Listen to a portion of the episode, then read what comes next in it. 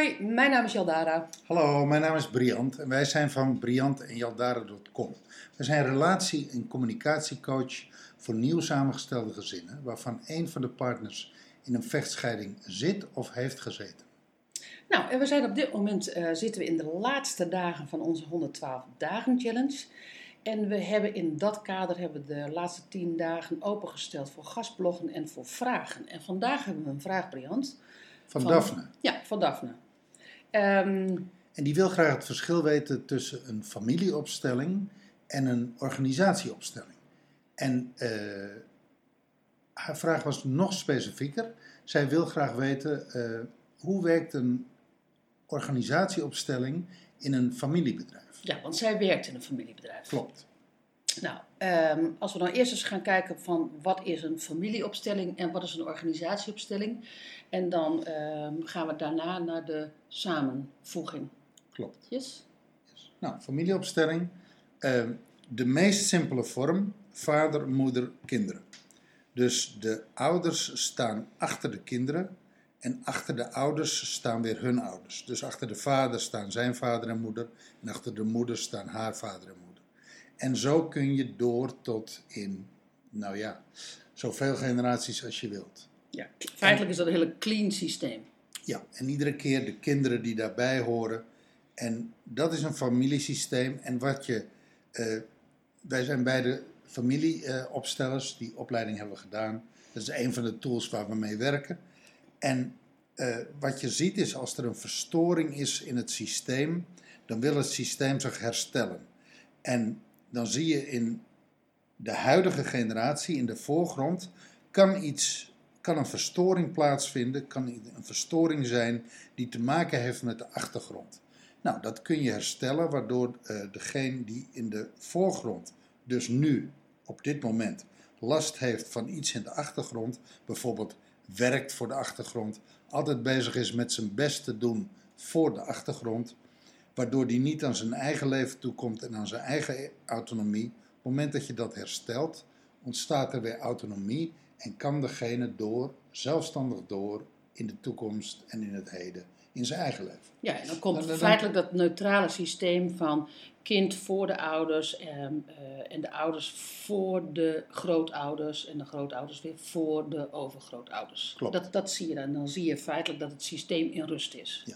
Nou, dat is, dit is de meest simpele uitleg en eh, inderdaad heel erg versimpeld, maar dit kun je eh, in het kort familieopstellen noemen. Ja, je ziet, misschien is het nog wel goed voor de mensen die helemaal nog, nooit iets van familieopstelling hebben gehoord. ehm, dat je soms ziet dat een kind tussen ouders staat of dat kind voor ouders staat, op de plek van de grootouders. Hè? Alsof zij, zeg maar, de moeder zijn van hun vader of hun moeder. Ja, dus dat er rolverwisseling en plekverwisseling plaatsvindt. Precies. En dat geeft altijd verstoringen en dat geeft altijd een emotionele verstoring of een eh, energetische verstoring. En die kun je herstellen door de hiërarchie te herstellen. Ja, nou, dat familieopstelling. Ja, dus- dat gaat over familieopstelling. Dan zie je dus in die organisatieopstelling, ehm, eh, laten we het over een aantal componenten. Je hebt eh, natuurlijk werknemers, maar je hebt, eh, en je hebt management en je hebt directie, maar je hebt ook geldschieters. Je hebt eh, de maatschappij waarvoor het bedrijf werkt. Je hebt de geschiedenis, ehm, ehm, of, of in ieder geval de, de missie en visie van, van waaruit is, is die organisatie ontstaan. Je hebt ook te maken in een organisatieopstelling, kan je te maken met ehm, werknemers die op een botte manier ontslagen zijn, eh, reorganisaties, daarmee dus weer een ander de- bedrijf bij. Dus het zijn eigenlijk Fusies, hè? dan. ja, fusies. Dat zijn eigenlijk alle componenten die je, ehm, eh, nou, waarmee je zeg maar in een organisatie werkt, maar ook de schil eromheen als een raad van bestuurders en als, eh, als geldschieters en als de bank, eh, als daar een enorme lening is, nou weet je, noem maar op. Ehm, Aandeelhouders. Aandeelhouders. ehm, alles hoort zeg maar in die opstelling.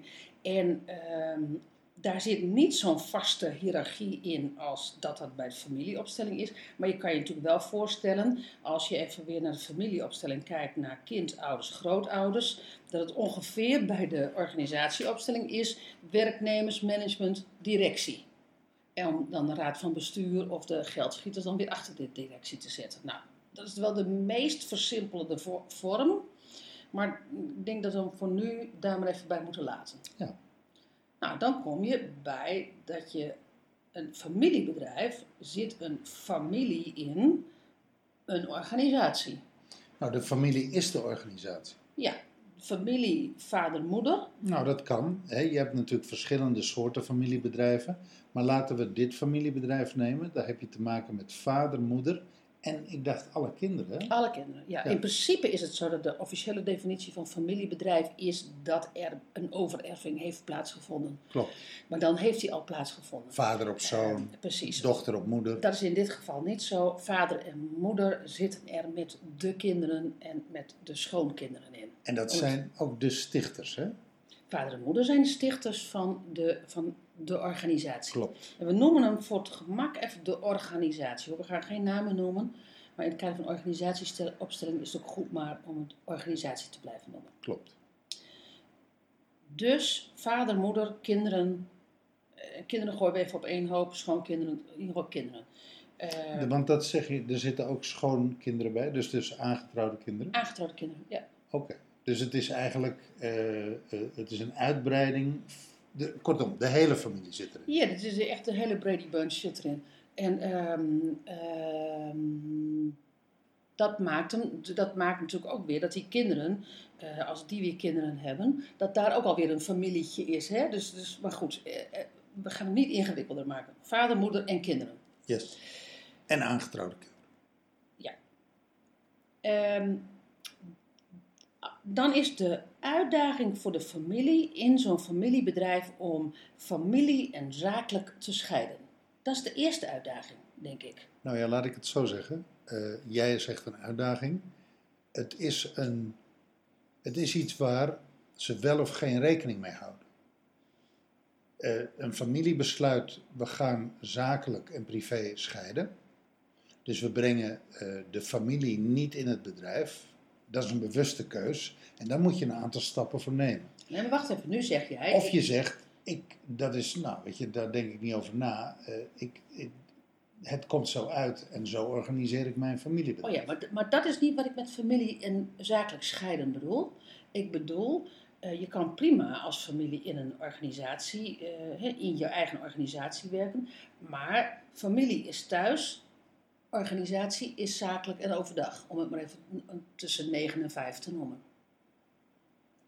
Ehm, en dat is, ehm, eh, dus dat betekent dat je je vader- en moederrol naar de kinderen toe niet in de zaak brengt. En dat je zakelijk soms wel naar thuis brengt, omdat je gewoon mm, als familie besluiten wil nemen. Maar in principe gaat het daar ook niet door. Ik denk dat dat het belangrijkste is bij die, bij die familiebedrijven. Wat je ziet, wat ik zag bij klanten, eh, waar ik efficiency trainingen deed, ehm, waar man en vrouw samenwerken, de hond meegaat, ehm, eh, de vrouw in dit geval, ehm, een heel ander bedrijf, was ook nog zwanger, dan ben je dus, dan is er een en al privé is er, is er binnen. Als je dan dus ook nog met elkaar luncht en je hebt het dan ook nog over privé, van wat gaan we koken en wat gaan we vanavond doen, wat gaan we dit weekend doen, en de werknemers zitten daarbij, dan is het bijna alsof je aan de familietafel zit, aan de keukentafel. Nou, sterker nog, dan zijn de, dan zijn de werknemers zijn feitelijk eh, toeschouwers en hebben een bijrol in het familietoneelstuk. Ja. ja. Ja. Nou ja, dus, dus dat is, maar dat is wat ik met scheiden bedoel, van scheiden van rollen. Ja, dat begrijp ik. ja. Ja, dus de directeur kan wel vader zijn, maar op het werk is die directeur. En die kan prima zijn vrouw tegenkomen ehm, eh, en zijn kinderen tegenkomen, maar hij is directeur. Nou, mijn vraag is eigenlijk, is dat menselijk wel mogelijk? Zijn er, denk jij dat er familiebedrijven zijn die dat voor elkaar krijgen en die dat lukt en bovendien die daarover nadenken en die dat willen? Ik denk het namelijk niet. Ik denk dat het, de dynamiek van een familiebedrijf is dat alles dwars door elkaar loopt. Ja, dat denk ik ook. Dat denk ik ook. Alleen het punt is natuurlijk wel, want dan gaan we maar even naar het eind. Ehm, als jij als familiebedrijf dit, eh, als, als jij dit bedrijf wilt voortzetten En stel nu dat je daar op een gegeven moment een directeur op wil zetten, omdat, jij, eh, omdat de kinderen het uiteindelijk toch niet willen overnemen. Dan, eh, maar ze willen er wel blijven werken. Dus je wil, daar, je wil daar een neutrale bedrijfsstructuur van maken die losgekoppeld wordt van de familie. Nou ja, dat kan. En dan moet hij wel transparant en overdraagbaar zijn. En dan zie je in een familiebedrijf dat vaak functies zijn vergeven op loyaliteit. En Op basis van loyaliteit. Ja. Ja, op En, niet, en niet op basis van competentie of van talent. of van functierollen. Precies. Dus, dus ehm, en dan, loop je, dan loopt het bedrijf wat je met elkaar hebt grote risico. Nou ja, eh, als je dat scenario tekent, hè, van vader en moeder stappen eruit. Die hebben de leeftijd gekregen van, weet je, wij bemoeien ons niet meer met de dagelijkse gang van zaken. Wij stellen een directeur aan. Het eerste wat die di- directeur zal tegenkomen, is dat er in het familiebedrijf functies vergeven zijn eh, aan mensen die niet per se die functie ook optimaal vervullen. Nee. In ieder geval niet in zijn, eh, in zijn ogen. Nou, en dan heb je te Die maken. misschien wel meer privileges hebben binnen die functie. Precies, of, of weet je, Op ieder- basis van familie. in ieder geval de scheefgroei vanuit het familiesysteem, die komt dan wel boven tafel te liggen. En die is er natuurlijk logischerwijs veel meer, omdat families, want zo gaat dat in familiebedrijven, die gunnen elkaar iets, familieleden, en die zeggen van, nou ja, weet je, dan doe jij dat, en dan knijp ik wel dat bekende oogje toe. Ik, ik noem maar een voorbeeld. Ehm, je bent lid van de familie en je hebt een auto nodig, dus er komt een leaseauto. En dat is niet op basis van jouw functie, maar dat is op basis van het feit dat jij een auto nodig hebt. En dat is dus wel handig dat dat, eh, nou ja, dat kunnen we wel op de zaak zetten. Dus de, de, het privilege is dat je een functie hebt met een leaseauto, terwijl bij die functie niet een leaseauto past. Nou ja, en dan heb je het nog niet eens over transparant en overdraagbaar maken voor een directeur. Maar stel nu dat je in, in datzelfde bedrijf nog zo'n exact dezelfde functie creëert, of, omdat die nodig is, en je haalt daar iemand van buiten op, ja, dan kan je, moet je natuurlijk niet verbaasd staan dat hij ook een leaseauto wil. Want ja, Of in ieder geval denkt recht te hebben op een leaseauto, want een ander, toevallig een familielid in diezelfde functie, heeft ook een leaseauto. Ja. Dus waarom ik niet? Ja, en als je dan botweg zegt van nee, dat doe ik niet, omdat jij geen familielid bent, Want daar komt het dan op neer. nou ja, Dan heb, dan heb je in ieder geval iets uit te leggen. ja en, en wel meer hoor dan dat. En wat je dan ziet is dat je. Dus je, je creëert ongelijkheid en je creëert privileges en je creëert scheefgroei op basis van de familieloyaliteit. En dat is een mechanisme wat in een familiebedrijf waar iedereen van de familie werkt, inclusief ook nog de schoonzonen, schoondochters, dat is eigenlijk niet, dat is niet te voorkomen. En daar heb je dus als medewerker mee te maken. Daar heb je mee te maken, daar heb je toe te verhouden. En ik denk dat het, het vraagt ook wel wijsheid van een werknemer. Om af en toe eh, lippen stijf op elkaar te houden. En soms te bukken voor de klappen.